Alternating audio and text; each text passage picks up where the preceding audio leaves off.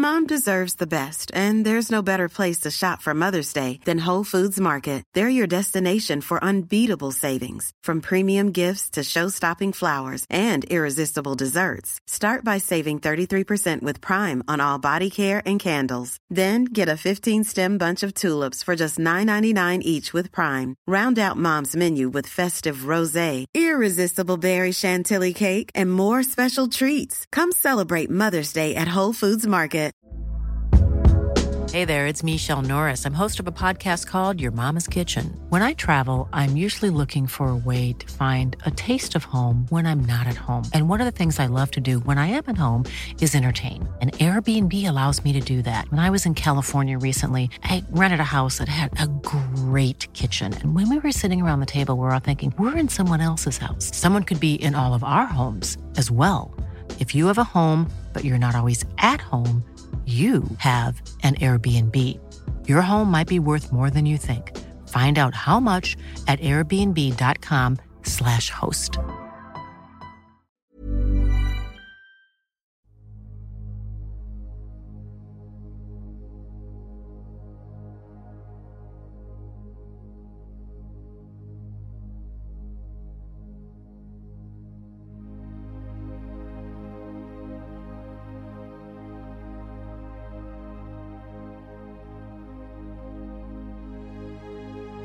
Ljus eller mörker gäller människor i den fysiska dimensionen och varelser i alla andra dimensioner.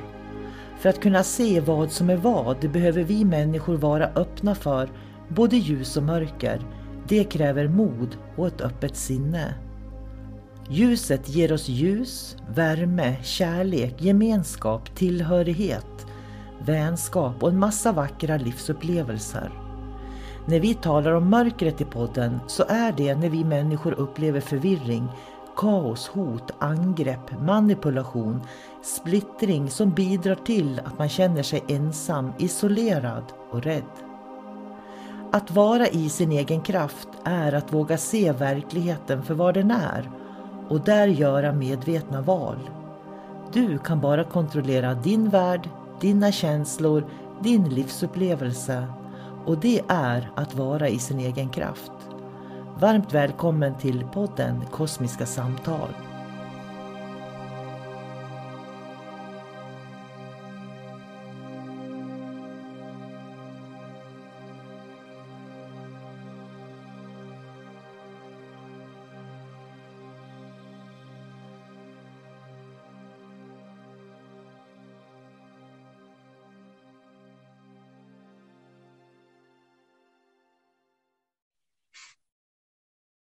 Hej och eh, varmt välkommen till Kosmiska samtal. Jag heter sol karina och jag sitter här med min vän David Gran. Så jag säger hej David!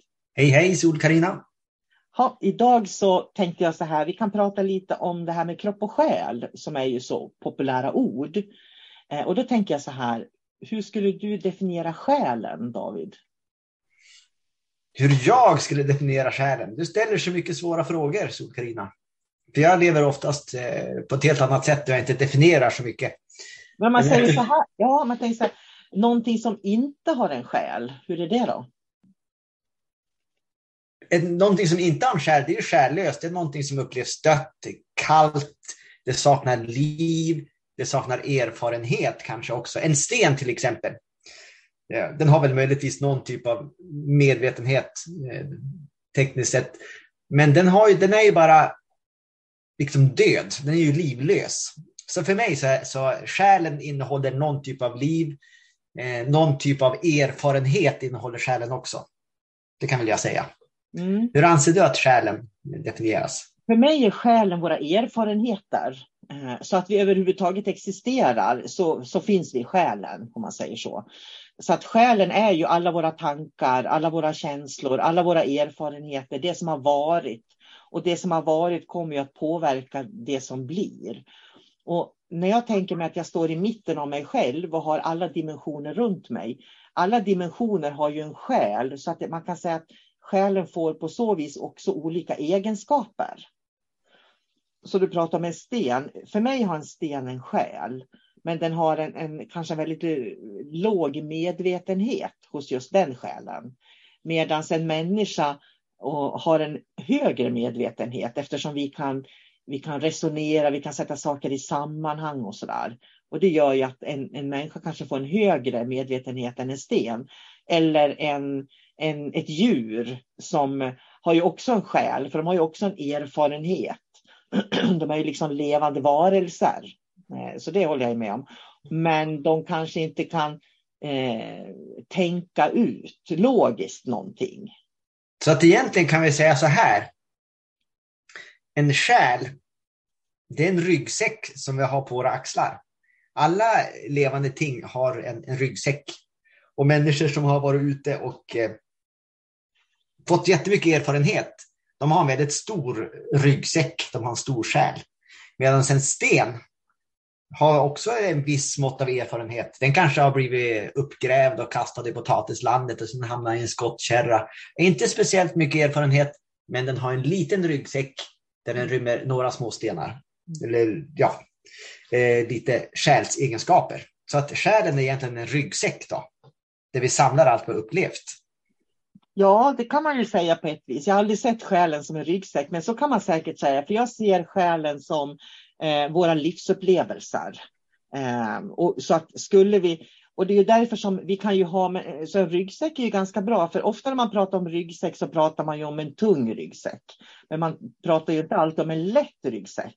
Mm. Så själen kan ju vara en lätt energi, det kan ju vara en positiv energi, det kan vara en utvecklande energi.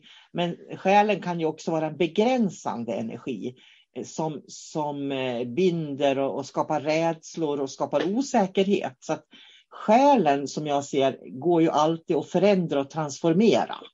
Det är därför det är så viktigt med medvetenhet. För medvetenhet gör ju att vi kan transformera själen också. Men då kommer jag på ett ännu bättre ord nu. Mm. Om man inte är bekväm med ryggsäck så kan man säga att ett fotoalbum. Vad tror du om det? Man har fotat alla viktiga händelser i sitt liv, till exempel ja, när man föddes, man var på semester och det är begravningar och det är det andra. Det är glädje och det är sorg. Och så just här och nu, så då kan vi bläddra i det här fotoalbumet och så kan man se bilder från det förgångna, allting som har, liksom har eh, färgat mig.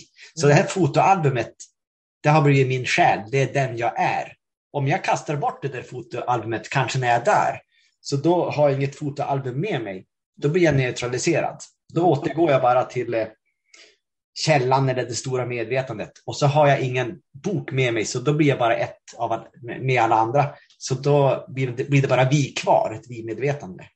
Om du inte känner att, att du identifierar dig väldigt mycket med själsegenskaper. För att de här olika fotona i albumet är ju olika själsegenskaper som jag ser då. Och själsegenskaper är de här själsstrålarna som vi är liksom byggda av. Så att jag är ju påverkad av det genetiska arvet, samhället jag lever i, hur, vilket århundrade jag lever i. Det finns ju som en, kult, en själslig kultur, om man säger så. Och den kommer jag ju ha med mig i form av själstrålar och den kommer att göra att jag identifierar min själ. Jag binder upp att det här är, är jag eller det där är jag. Så att när, när man dör sen så kanske man inte kan kasta hela albumet. För man har skapat bindningar på olika sätt. Det är ju det som man gör till exempel när människor dör och man känner ett behov av att man måste kommunicera med de som har dött. Så det är ju inte så att det finns en himmel där alla som har dött lever i lycka och, och äter jordgubbstårta varje dag. Utan det är ju på något vis det, är det jag kallar memory lane, alltså det här att man går in i minnen. Så om någon dör och jag känner att jag, be, jag be, vill ha kontakt med den här personen så är det egentligen minnet jag får kontakt med. Det är fotoalbumet jag tittar i kan man säga. Där, jag fick en jättetydlig och fin bild i mitt huvud nu. Låt mig säga att, att jag får på en seans eller träffar ett medium som kontaktar andra sidan. Egentligen så är det bara ett fotoalbum som kommer ut från andra sidan och så sen plockar de ut ett foto som de ger till mig. Jag ser en, en eh, människa som kommer eh, igenom här. Eh, han berättar om att ni var på ett stort kalas och så berättar de massa händelser och egentligen det de läser av, det är det där fotot, fotot som togs kanske när jag var på ett kalas när jag var sju år gammal, som jag är väldigt tydligt i minnet och det fotot har de plockat upp och, och beskriver det för mig, den känslan och därför känner jag, aha, det är sant andra sidan existerar. De har sagt det till mig. Men egentligen är det bara fotoalbumet som de har plockat fram. Och för att man ska kunna förstå det precis som du beskrev det, för det, det är så jag ser det. Det är själstrålar, så det här fotoalbumet är en själstråle helt enkelt. Ett minne som man har med sig, det är det som är själen. Och för att man ska förstå hur det fungerar så behöver man också titta på hur ser man på själen i olika kulturer, i olika religioner. Och då kan man se att då kommer man till det här med ljuset. Eh, att när vi dör, när vi kastar hela albumet, då återvänder vi till ljuset, till paradiset. Men är det så att det är vissa foton i det här albumet som inte jag kan släppa taget om, då kommer jag inte att återvända till ljuset utan då kommer jag att befinna mig i de här i memory lane, i minnenas dal. Och det är där du har återfödelsekedjan om man säger så. Och det är därför de människor som tror på återfödelse till exempel, de, tror, de kan inte släppa de här fotoalbumen, eller de här fotona i albumet som har varit viktiga för dem. De håller i det. De, håller, de identifierar sig med det. Men egentligen så är det bara en erfarenhet man ska släppa taget om. Just det. Och det är därför man ska vara här och nu. För kan man vara här och nu, då håller man inte i någonting. Om man säger så. Det kan man ju märka också på, på eh, ja, ofta gamla människor som är nära döden och de har förstått att de ska dö.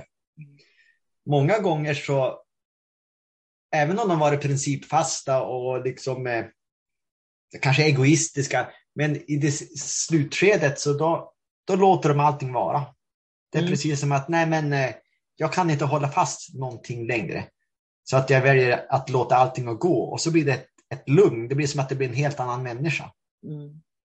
Och, och det, det, där, jag jobbade ju på, på äldreboenden när jag var 17 år och det var jätteintressant för att man kunde komma in till de här gamla och de kunde sitta och titta rakt ut genom fönstret och så sa man namnet flera gånger och sen efter en stund då kom de tillbaka. Det var precis som de var i ljuset. Så att jag tror att in, om man dör naturligt så kommer man liksom att, att vandra in och ut och bearbeta just för att släppa taget för att kunna uppfyllas helt av ljuset då så att säga. Ja, och det är då man börjar glömma bort saker och ting som mitt namn. Eh, ja, ja, tydligen så hade jag ett namn. Ja, just det, de brukar kalla mig för David och så kommer man tillbaka som du berättar. Ja. Och det, nästan allting suddas ut. Gränserna suddas ut. Den man är suddas ut. Och det, det, jag har också jobbat på äldreboende så vi har några gemensamma nämnare trots allt. vi pratade om det på en tidigare podd att vi är ganska olika men ändå ja. lika. Ja, just det. Och det var ju också så när man eh, träffade människor, ofta dementa människor eller människor som var nära döden och skulle dö.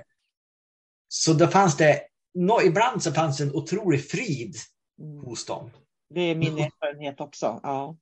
För, men när de kommer tillbaks och förstod att de var människa och förstod att de var dementa, då var det vimsigt för dem och så var de oroliga och så började de ropa på sina vuxna barn. Men sen när man lät dem vara och de bara gled ut igen i det stora oändliga där, då var det bara en stor frid mm. för dem. Och det där är ju bästa sättet att få avsluta sina dagar, att man liksom kan få öva på den här övergången så att säga. Istället för att vara sjuk och kanske vara medicinerad när du liksom gör den här övergången. Då. Men det, det som är intressant med själen är att man ofta pratar om karma i relation till själen. Så jag tänkte vi ska leda in det lite där också. För karma betyder ju action, agera. Och många människor de, de, strävar ju efter att de ska eliminera karma, därför att det är då man liksom går över till ljuset och, och kan få den här transformationen på något vis. Men karma eh, gör man oftast personligt, som till exempel när människor är sjuka. Så säger man att ja, det där hade ett dåligt karma eftersom den var sjuk eller överkörd eller dog eller råkade ut för en olycka. Och så skuldbelägger man människor istället för att se att det finns ett kollektivt ansvar där. För jag tänker så här, karma betyder ju konsekvenser eh, egentligen då. Och vi kan ju aldrig se resultatet av alla beslut som vi tar under en dag. Tänk dig alla gånger under en dag du bestämmer dig för att gå på toaletten, ringa den, dricka kaffe, äta mat, köpa just den där falukorven eller vad det än är. Hela, hela tiden tar vi så många beslut varje dag. Och det är det som är karma och det påverkar ju hur de här egenskaperna själen får. Så att själen påverkas ju av de beslut som vi tar dagligen, nästan i varje minut också. Och det är därför som, som jag ofta pratar om den vänliga vägen och, eh, och, och som vi pratar om den vänliga vägen, självkännedom. Eh, tänka på hur jag tänker, vilka känslor jag använder mig utav. Eh, vilka ord använder jag när jag pratar och hur ser jag på världen och människor? För det är en del av själen. Är det. Och vi har ju pratat också i tidigare poddar om hur splittrat Sverige är till exempel. Och, och, det finns ju en själslöshet i det. För att man inte vågar ta ställning utan man, man pekar på fel alla andra gör istället för att tänka, liksom känna efter vad tycker jag är rätt.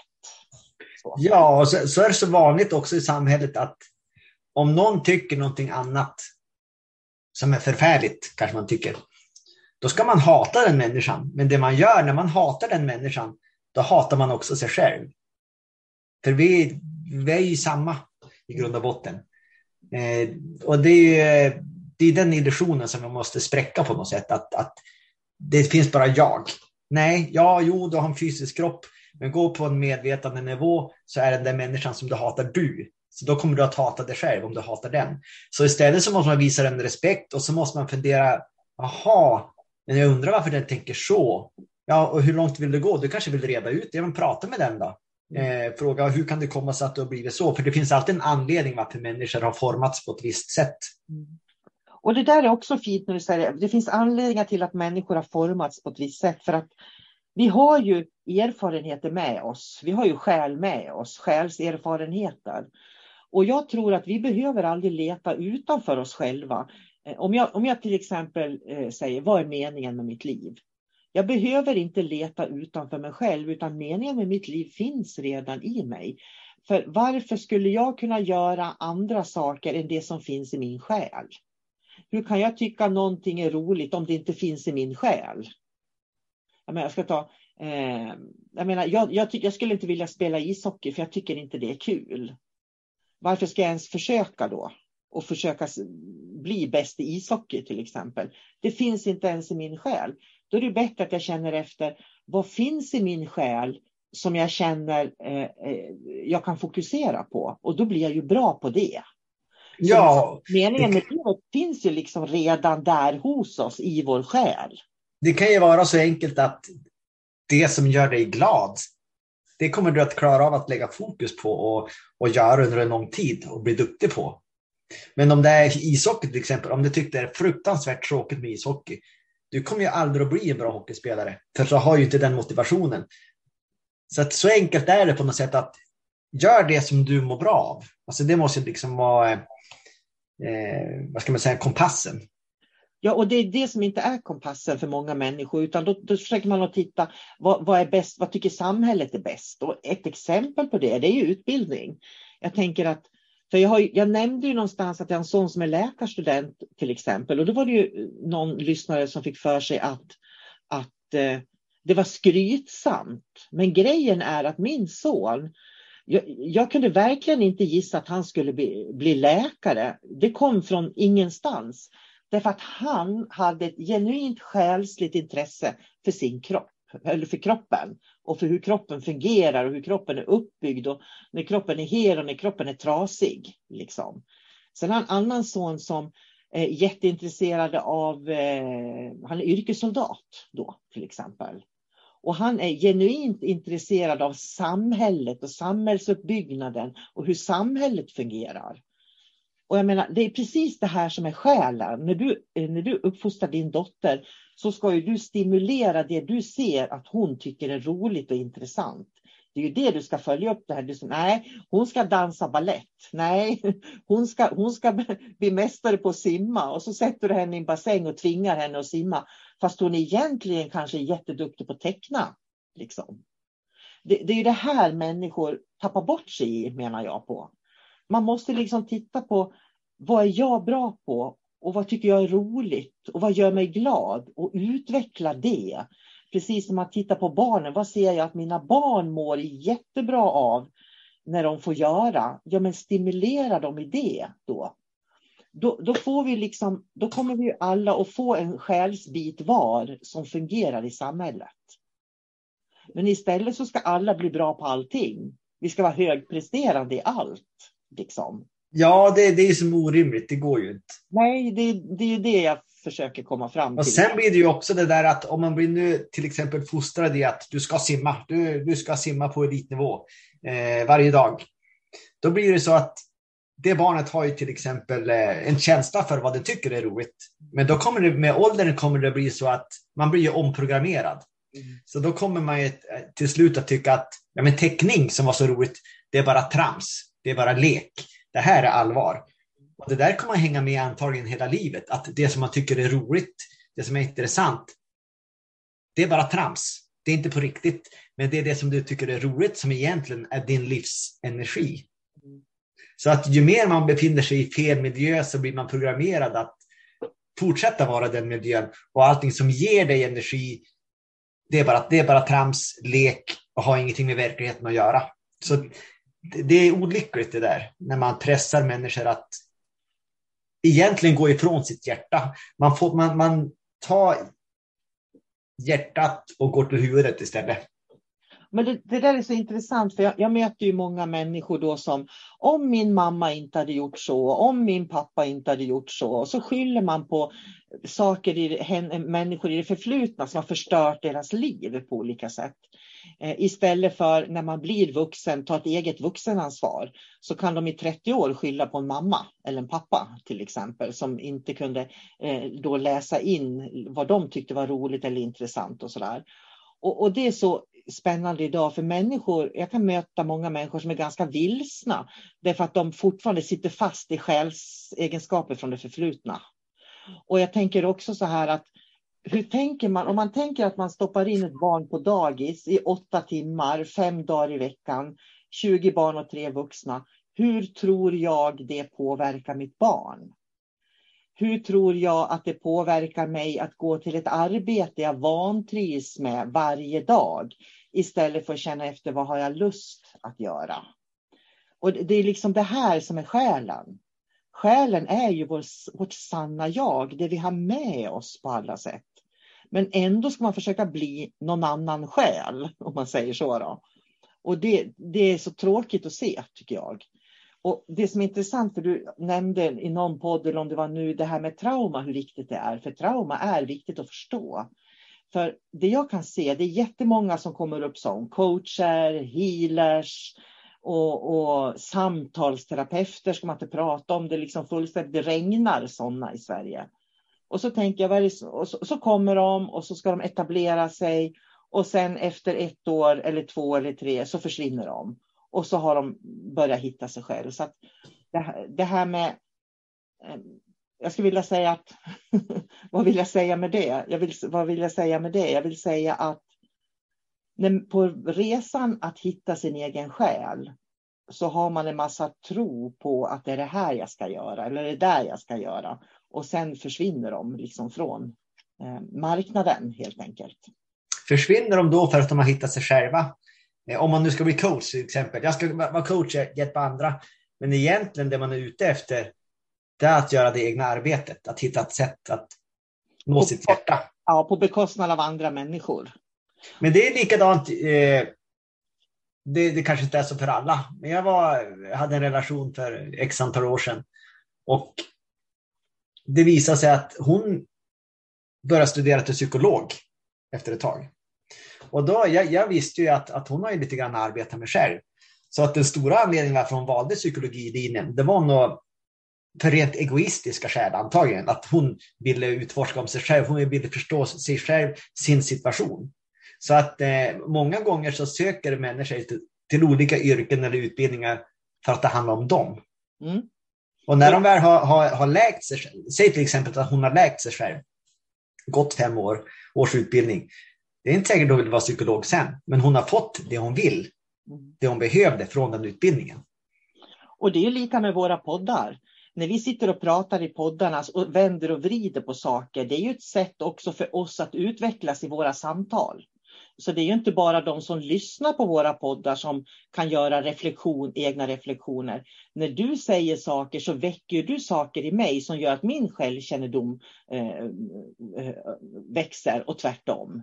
Så det, är liksom, det finns alltid den här självbevarelsedriften någonstans bakom.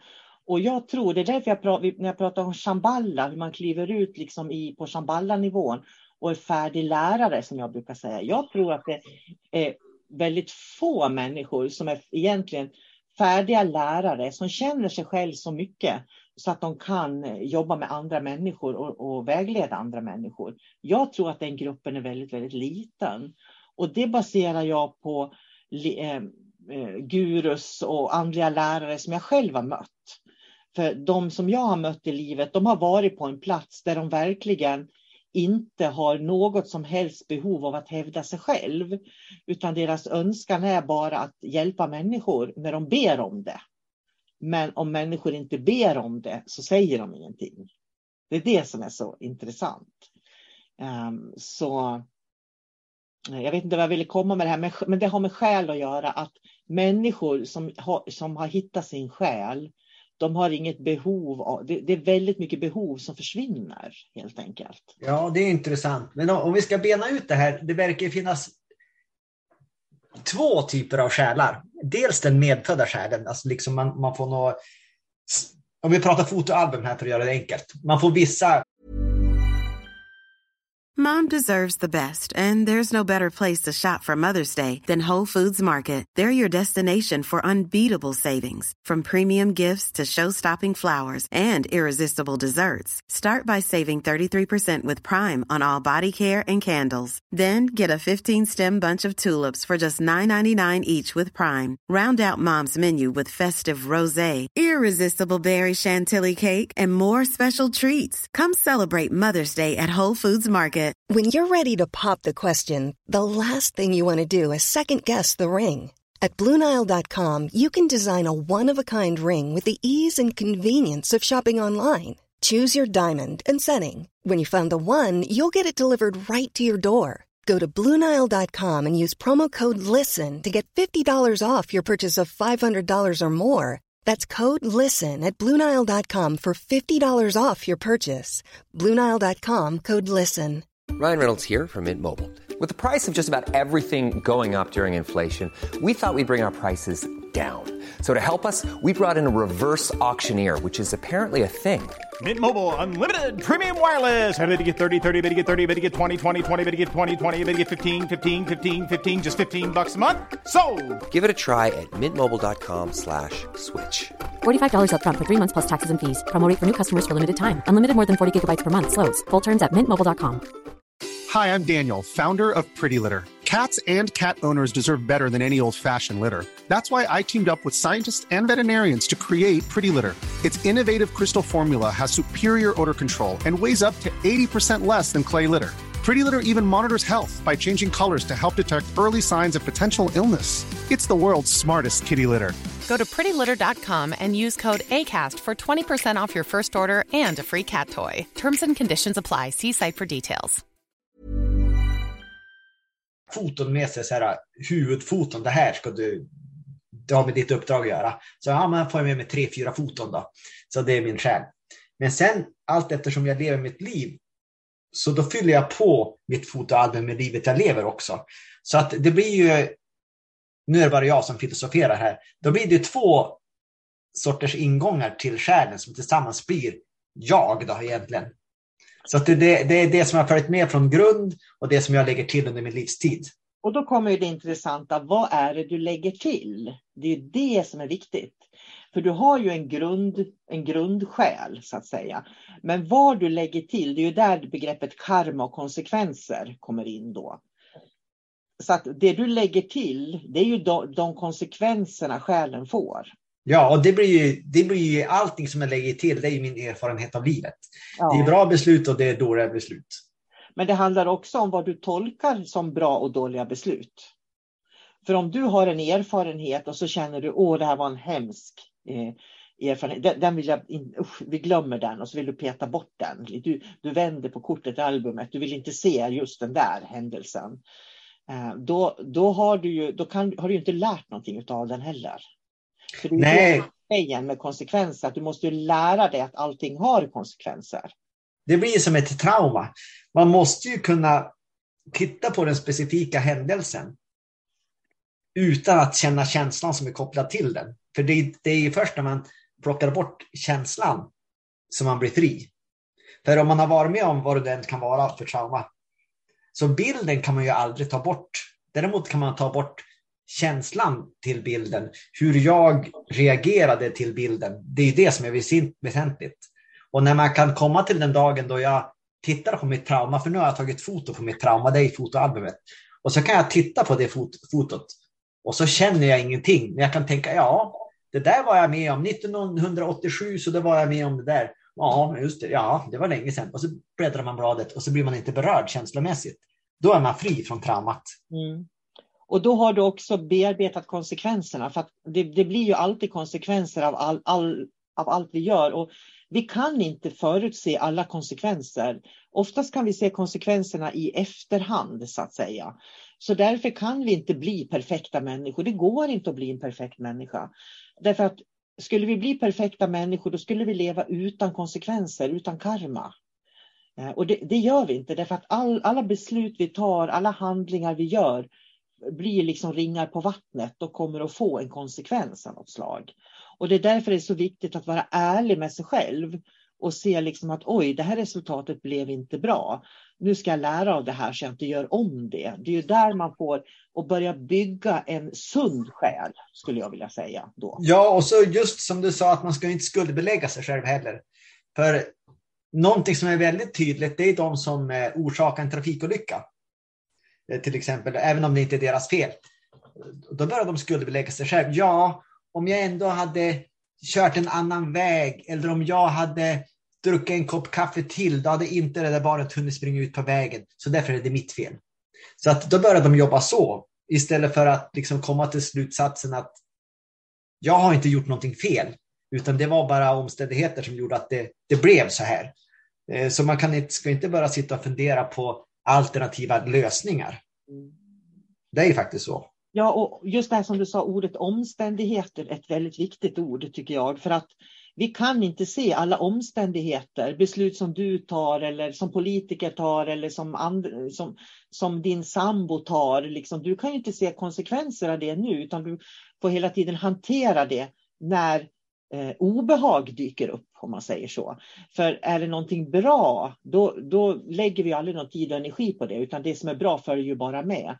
Men mm. när vi upplever ett obehag, det är där vi behöver bearbeta eh, någonting. Och det behöver ju inte vara någonting som vi har skapat. Det kan ju vara någonting man har skapat i Skåne, någonting man har skapat hos regeringen, någonting i kommunen. Det kan vara någonting som livsmedelsprocesserna har skapat. Alltså, jag menar, omständigheterna kan vara så många hela tiden. Och det är därför vi måste vara medvetna människor så att när jag känner att någonting skaver så kan jag titta med öppna ögon på det och ta ett, ett beslut som är bra för mig just nu. Ja, och ett enkelt sätt att göra det, om man står inför liksom ett, ett problem som ska lösas, ta fram ditt fotoalbum och så titta i det. För då har ju du, eftersom det är ju erfarenheter som jag har tagit foton av och stoppat in i permen, då kan ju du se hur har du löst det förut på, på det tidigare. Och så kan du navigera genom din själ hur du ska leva i nuet. För det är ju det det handlar om att när jag har lärt mig, fått erfarenhet av saker och ting, då kan jag det sen och då kan jag lösa det. Men om man inte går och tittar i sin, eh, sin bilderbok som man har, då kommer man att göra samma misstag om och om och om igen. Så att en människa som har kontakt med själen kan också lösa problem och gå framåt och utvecklas. Helt rätt. Jag tror vi ska runda av där. Eh, ja. Känns det som vi har fått någon liten form så det vad själen kan vara. Vi pratar ju mycket om medvetandet och medvetandets resa. Därför tyckte jag det var så fint nu då när vi kan prata om själ i saker och ting. Eh, men jag tänker det, det finns ju så mycket som är själ också det här um, hur människor identifierar sig. Men det ska vi nog inte gå in på nu tror jag. Faktiskt. Däremot kan jag säga en sak. Mm. Att saker och ting kan ju programmeras också med själslig energi. För jag har ju väldigt mycket möbler och saker här hemma efter släktingar. det är skåp och bord och tallrikar och stolar och eh, tavlor. I princip allting är ju från mina äldre släktingar. Och då är det ju så att vissa saker är ju mer programmerade än andra saker med själslig energi. För det, det är det jag kan känna. Om jag tar fram en mugg till exempel som jag vet att min morfar alltid drack ur. Eh, nu är det jag också som är påverkad förstås, jag har sett honom det. Men det som jag märker är att det blir en viss känsla, det blir som att jag får kontakt med mina minnen, mina erfarenheter, min själ och så blandas den med den själsliga energin som morfar hade, för den finns kvar i muggen eftersom han använder den så ofta till exempel. Han snickrar också, också mycket så träfigurer och gjorde hantverk som jag också har mycket hemma.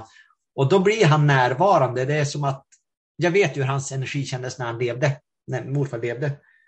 Men den är närvarande i alla föremål han gjorde också. Så hans själ ligger kvar i det han skapade också. Ja, men det är ju för att du tillåter den att ligga kvar där. Ja, det är för att, det är för att jag har sett han i action. Jag vet hur han kändes. Du associerar det. Ja, du associerar ja. det. Skulle jag komma hem till dig så säger du så här, här Sol-Carina ska du få en låda med snickrade saker. Tack skulle jag säga. Så skulle jag fundera, vad sjutton ska jag göra med det här? Ja, det är ju så. jag, jag, skulle, jag har ingen relation till det, men det här kan inte jag ha hemma. Det, jag får ge det till myrorna. Liksom. Så. Ja, jo, så blir det ju. För det handlar ju om mig i det här fallet. För jag vet ju hur han kändes när han levde. Och han har lagt den energin i sina saker. Men det är jag som har kopplingen där. Så att på något sätt så, så blir det en, en, en, eh, en energiöverföring till sakerna där som kanske bara jag känner av och kanske de som eh, mina bröder, kanske, de gör ju det också förstås. Eller som jag brukar säga, det blir en bindning till. Du binder dig till. Det, det så här människor kan binda sig till de som är döda. De kanske inte har saker efter, de här som, efter sina döda släktingar. Men då, då man har känslomässiga obearbetade saker. Det är därför du går till ett medium. För att få kontakt med någon från andra sidan. Liksom. Mm. Du har ju kontakt med din morfar. Du har ju en kontakt med din morfar. Och kommer att ha hela livet tack vare de saker som du har en liten bindning till då som han har gjort. Eh, och det där är en viktig del av själen också, därför att det är en viktig del av den du är. Det är ju din historia också. Och konsten är ju att se sin historia men inte sitta fast i den. Skulle du istället sitta och säga känna liksom att du saknar din morfar och tänk vad bra det var då och vad dåligt det är nu och jag önskar han fanns här och han var den bästa och jag, det kommer aldrig bli så likt igen och sådär. Då skulle du vara i ett helt annat trauma faktiskt. Så är det ju. Sen kan man ju leka med tanken också att om jag till exempel skulle sakna min morfar otroligt mycket så att jag tänkte på han eh, varje vaken stund. Och varje natt jag sov så då gjorde jag liksom astrala resor och så var jag med morfar jämt. På ett plan så då kanske man inte heller låter hans medvetande vila i frid och gå vidare utan man håller fast eh, den människan som han var och återskapar han hela, hela tiden. Och det blir inte heller rättvist. Nej, det är därför som människor, varför får jag inte kontakt med min mormors mormor? Jag tycker det skulle vara jättespännande att träffa min mormors mormor. För jag har tvillingar två gånger, det hade hon också. Det skulle vara jättespännande att höra hur det var att ha tvillingar för min mormors mormor två gånger till exempel. Men jag har aldrig någonsin fått kontakt med henne. Och varför får inte jag kontakt med henne? Jo, för jag har ingen relation till henne. Själs, själsenergi skapar genom att vi skapar bindningar, relationer helt enkelt. Och det är naturligt. Så att min mormor och morfar finns ju med mig. Men den dagen som jag dör och är borta så kanske mina barn inte kommer ihåg min gammelmormor och då har de ingen relation till henne och då kommer min gammelmormor aldrig att komma heller. Men däremot om man tar personer som är riktigt kända, säg Leonardo da Vinci, alla vet ju vem han är. Han finns ju alltid kvar. Han försvinner ju aldrig, för det finns ju alltid ett minne av han kvar. Sen är det säkert så att eh, den stora massan vet ju naturligtvis inte hur han var som person. Alltså hade man varit hans barn eller hans mamma, då har man ju en helt annan eh, bindning till, till han. Men jag skulle vilja säga så här att han finns inte alls kvar, för hans kropp är ruttnad och död sedan länge. Medvetandet finns egentligen inte kvar, utan det är själen som finns kvar. Och så då kommer vi in på det här med vad är själens medvetande och inte.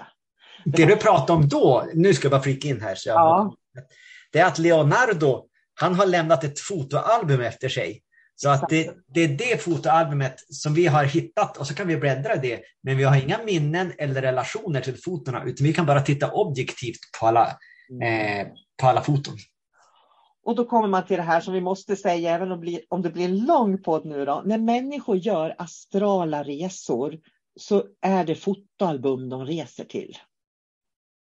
Så de här människorna som gör astrala resor, de hör ljud och det är speciella vibrationer när de går ur kroppen som de uppfattar. De, de reser med själsegenskaper. Eh, så att du skulle i princip kunna resa till din morfar och träffa honom i den dimension han befinner sig i och med att du, du har en själsegenskap i dig som gör att du har ett minne från, från honom. Så människor som reser runt och gör astrala resor och de gör det väldigt besvärligt när de reser med själen. De res, reser i minnenas dal kan man säga. De reser runt i ett fotoalbum. Det är vad de gör. Och det är där alla dimensioner finns också. Alla utomjordiska civilisationer finns i den här minnesenergin. Därför att eh, när vi reser med medvetandet David, då, då kan vi förflytta oss med intentionen exakt vad vi vill, eller hur? Ja, det är då man saknar begränsningar. Ja. Men Så tittar då- man i ett fotoalbum så då, har, då är det bara, då befinner sig inom fotoalbumets ramar. Det finns ingenting annat. Och det är det som är skillnad på att göra astralresor när man reser med själen eller göra resor när, när du reser med medvetandet. Det är två helt olika saker. Och 99,99 procent av alla människor de reser med eh, själsenergierna. Alltså med den, den jag identifierar mig med just nu. Det är den som reser runt och hälsar på vad som finns i mitt eget personliga fotoalbum. Sen ska man ju också lägga, lägga till det här att de flesta, allra, allra flesta människor som, som är i behov av att träffa döda anhöriga, de som är i behov av att gå till den andra sidan eller fara till medium och få veta eh, hur ens faster har det nu för tiden. Det är människor i sorg. Mm. Så att jag menar, man är ju inte direkt objektiv då heller, utan man är ju fast i en känsla.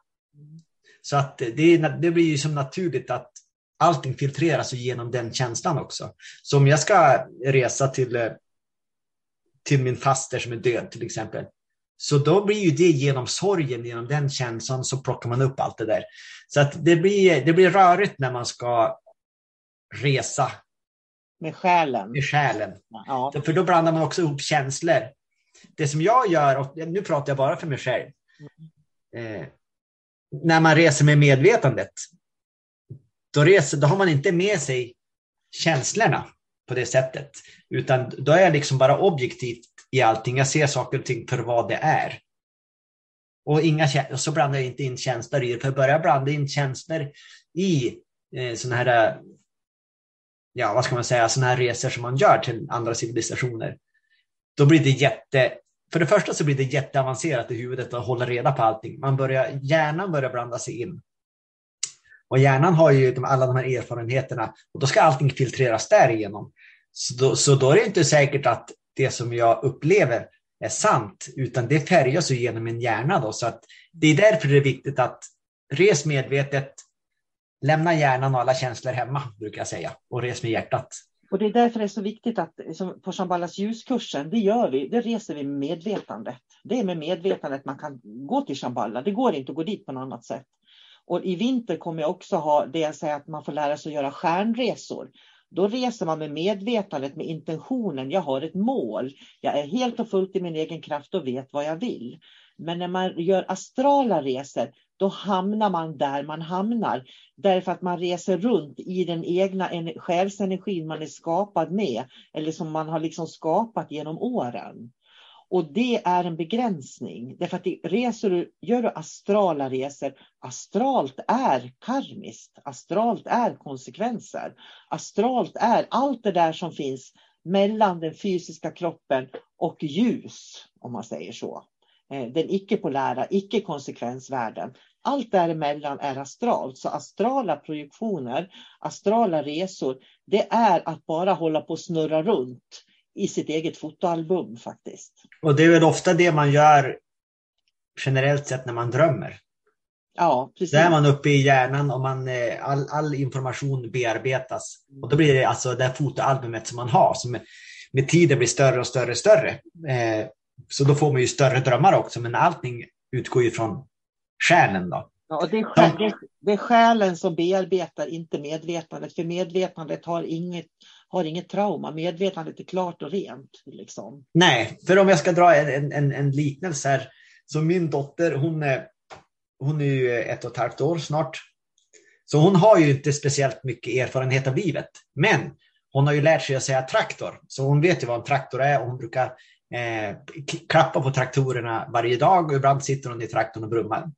Så när hon eh, sover om nätterna, då kan man höra hur hon talar i sömnen och så säger hon acko, acko.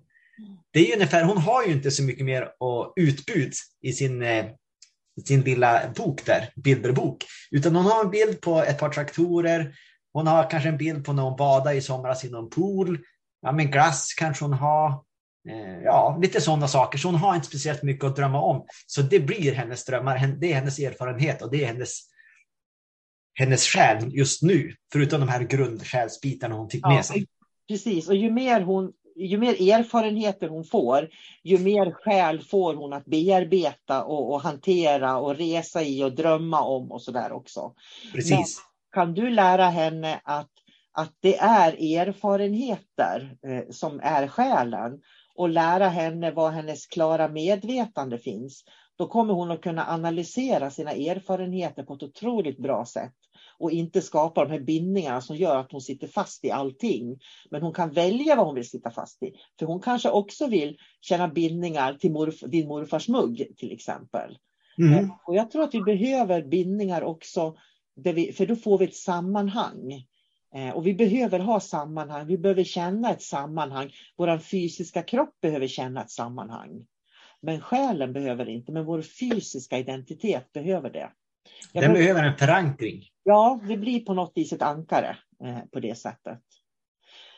Vi, vi ska sluta nu, eh, men vi, det här är jätteintressant. Vi kanske får återkomma till det här ämnet, för jag känner att jag har också jättemycket som bubblar ur mig och, och jag vill säga och du har jättemycket bra saker att säga.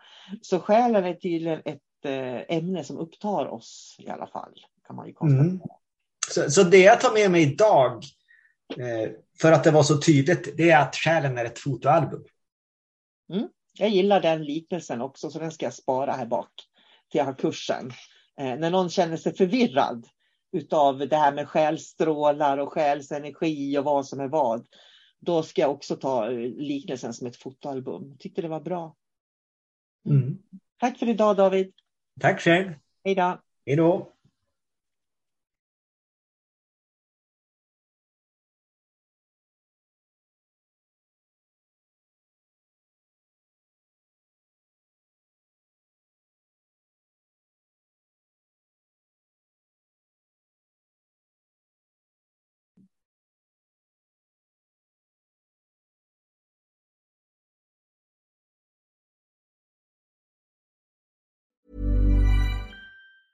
Ever catch yourself eating the same flavorless dinner three days in a row? Dreaming of something better? Well, HelloFresh is your guilt-free dream come true, baby. It's me, Gigi Palmer. Let's wake up those taste buds with hot, juicy pecan-crusted chicken or garlic butter shrimp scampi. Mm. Hello Fresh. Stop dreaming of all the delicious possibilities and dig in at HelloFresh.com. Let's get this dinner party started. Mom deserves the best, and there's no better place to shop for Mother's Day than Whole Foods Market. They're your destination for unbeatable savings, from premium gifts to show-stopping flowers and irresistible desserts. Start by saving 33% with Prime on all body care and candles. Then get a 15-stem bunch of tulips for just $9.99 each with Prime. Round out Mom's menu with festive rosé, irresistible berry chantilly cake, and more special treats. Come celebrate Mother's Day at Whole Foods Market.